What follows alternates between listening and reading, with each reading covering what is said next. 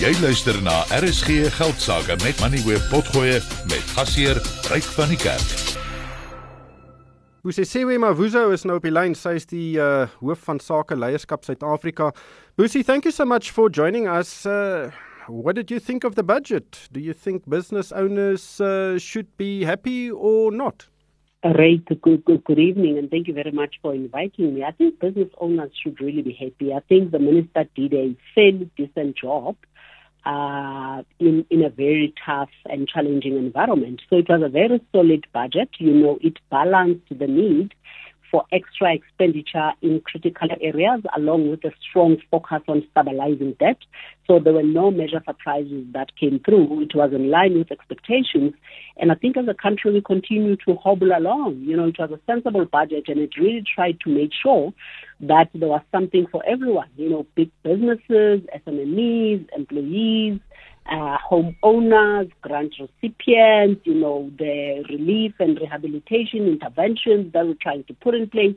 And I have no doubt that the markets broadly are actually going to react positively uh, uh, to the budget because he addressed the country's critical problems while retaining fiscal discipline. I must say, Rick, that I was actually surprised and it, it's definitely positive, you know, the emerging trajectory or positive trajectory that is actually coming through, fiscal deficit is going to be coming down to 4.2%. The primary fiscal surplus is going to be achieved.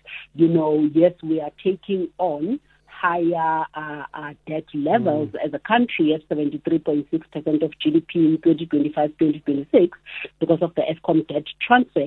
But we always knew that this was coming. We always knew that this was going to be necessary yeah. to help address the crippling effects of load shedding.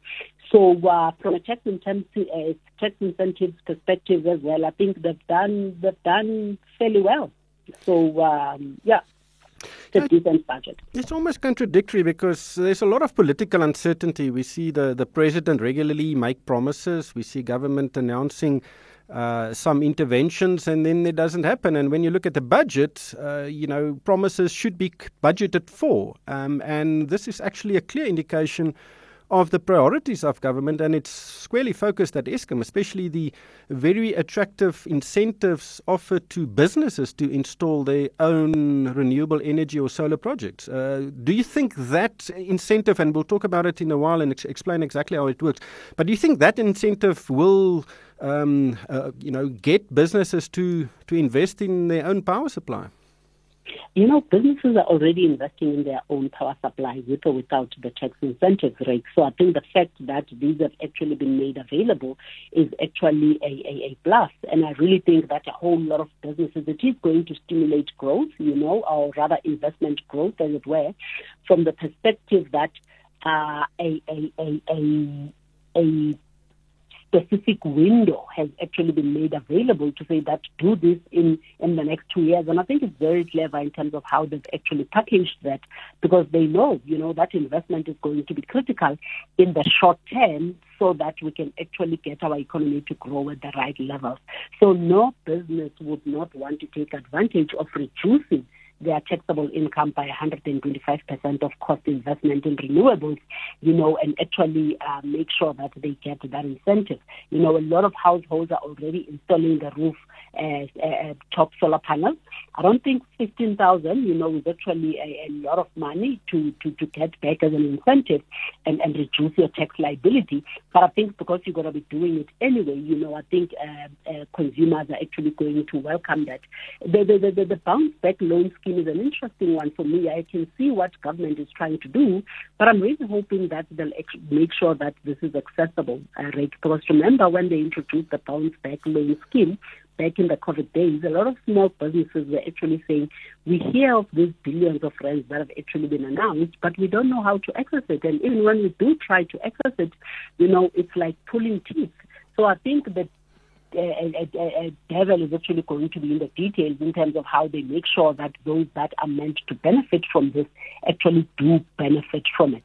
You know, and it's going to be interesting as well to say what guardrails are actually going to put in place to ensure that all these incentives that have actually been made available are accessed by the right people and benefit the right people. But more importantly, this money doesn't go into someone or into some politician's pocket. You know, because whenever we actually talk about these billions of rands, you know, mm. that are hmm. actually going to be made available, that is normally the concern. You know, to say will it actually go towards its, its, its intended purpose and what guardrails and interventions, you know, um, are you going to put in place as government to ensure that the money goes to where it's actually supposed to get uh, go and and and and and, and, and, and yeah. that is definitely going to be a challenge. I, yeah. I was disappointed, Rick, when I saw that they are giving more money to SAA. It doesn't make sense. I don't know what they are trying to achieve with that. This is the same carrier that actually costed us a lot of money before the business rescue. And in the bigger scheme of things, when we have energy and transport and water and all of these things, I don't know if SAA is actually important. That billion rands could have actually been spent somewhere else.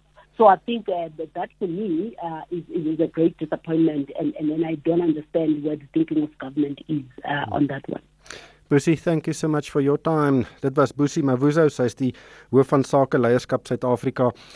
Johan, oor die algemeen as jy in die sake sektor is, gewoonlik verwag mense nie so baie ondersteuning nie, veral nie as daar so baie moeilikheid in die regering is nie, maar ek dink ook veral hierdie sonkrag uh aansporing, dit kan dalk nogal sommige besighede wat nou nog nie hulle eie oplossings uh, gaan uh, finansier dit nie om dit te doen. Dit behoort baie te help reken spesifiek ook vir waar hulle nog steeds addisionele uitgawes byvoorbeeld in die vorm van diesel gaan hê, kan dit help om van daardie kostes nou 'n bietjie teen te werk. Ehm um, maar onthou dis ook 'n baie belangrike dryf in terme van om alternatiewe energie, jy weet, meer omgewingsvriendelike tipe van energie te begin opwek wat in die groter skema van dinge die pad die pad is wat ons moet loop in die toekoms. Ons gaan nou gaan ek gesels met Edward Kieswetter. Hy is uh, natuurlik die hoof van die Suid-Afrikaanse Inkomste Diens en ons gaan 'n bietjie hoor hoe hulle 94 miljard rand ekstra ingevorder het of uh, gaan in wel dit lyk of hulle dit gaan invorder voor die einde van hierdie maand en dan gesels ek met um, Piet Nel van uh, Saika oor die die fynere besonderhede van belasting en hoe dit ons sakke raak. Jy het geluister na RSG Geldsaake met Money where potgoe elke weeksdag om 7 na middag. Vir meer Moneyweb potgoe, besoek moneyweb.co.za of laai die toepassing af en volg Moneyweb News om dagliks op hoogte te bly.